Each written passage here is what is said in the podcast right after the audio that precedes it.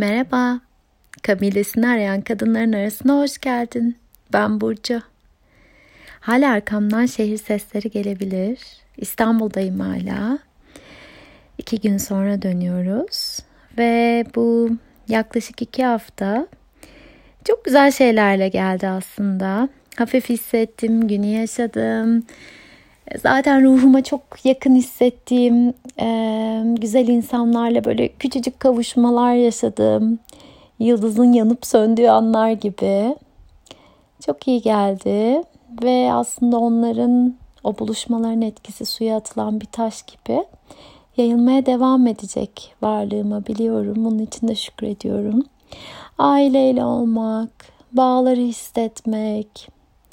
Buraya her gelişimde aslında dönüp sonradan kendi elimle kurduğum hayata da tekrar bakabildiğim için buradan oraya tekrar bir bakmak, dönünce nasıl hissedeceğini merak etmek gibi gibi birçok şey oluyor aslında. Ee, bir yandan bana kendini yazdırmak isteyen hikayeyle ilgili de bir fiil yazar halde olmasam da e, başka başka bağlar kuruyorum sanki. Hepsi henüz pamuk ipliği. Ama vakti gelince o bağların güçleneceğine de inancım tam. Hikayenin kısmetine inanıyorum. Benim yapabileceğime inanıyorum gibi bir yerden değil de gerçekten hikayenin kısmetine inanıyorum galiba. Burada olurken ve hatta buraya gelmeden önce fark ettiğim bir şey vardı. Aslında ilk kez fark ettiğim bir şey değil ama şimdi spiralin farklı bir noktasından bakıyorum galiba buna. Önlem almak adına hayata karşı, daha doğrusu hayatın başıma getirebileceklerine karşı gardımı almak adına ne çok korumam olduğunu fark ediyorum. Ne çok stratejim, ve o her gün kendini tekrarlayan, bir şekilde kendini tekrarlayan hayatımdan, akışımdan çıkınca durup bakıyorum. Bunlardan ne kadarı gerekli, ne kadarı canlılığım için kaynak oluyor, ne kadarı da aslında canlılığı yaşamanın bana göre çok önemli bir vesilesi olan spontanlığımdan götürüyor. Hadi bugünü de böyle yaşayayım halinden. Bugünü de böyle hissedeyim. Bugün bunları hissetmeye açılayım. Çoğu zaman alanımı, zamanımı gözetmek için çok katı katıya değil ama yine de neredeyse her sabah stratejilerle uyandığımı fark ediyorum. Bu aralar hiçbir pratiğim yok buradayken ama yani çoğunlukla pratiğim yok daha doğrusu uyguladım ama köklendiğim yere yuvama dönünce sabahları yine balkon e, oturmalarıma geri döneceğimi tahmin ediyorum. Orada ister bir dakika ister daha fazla oturayım.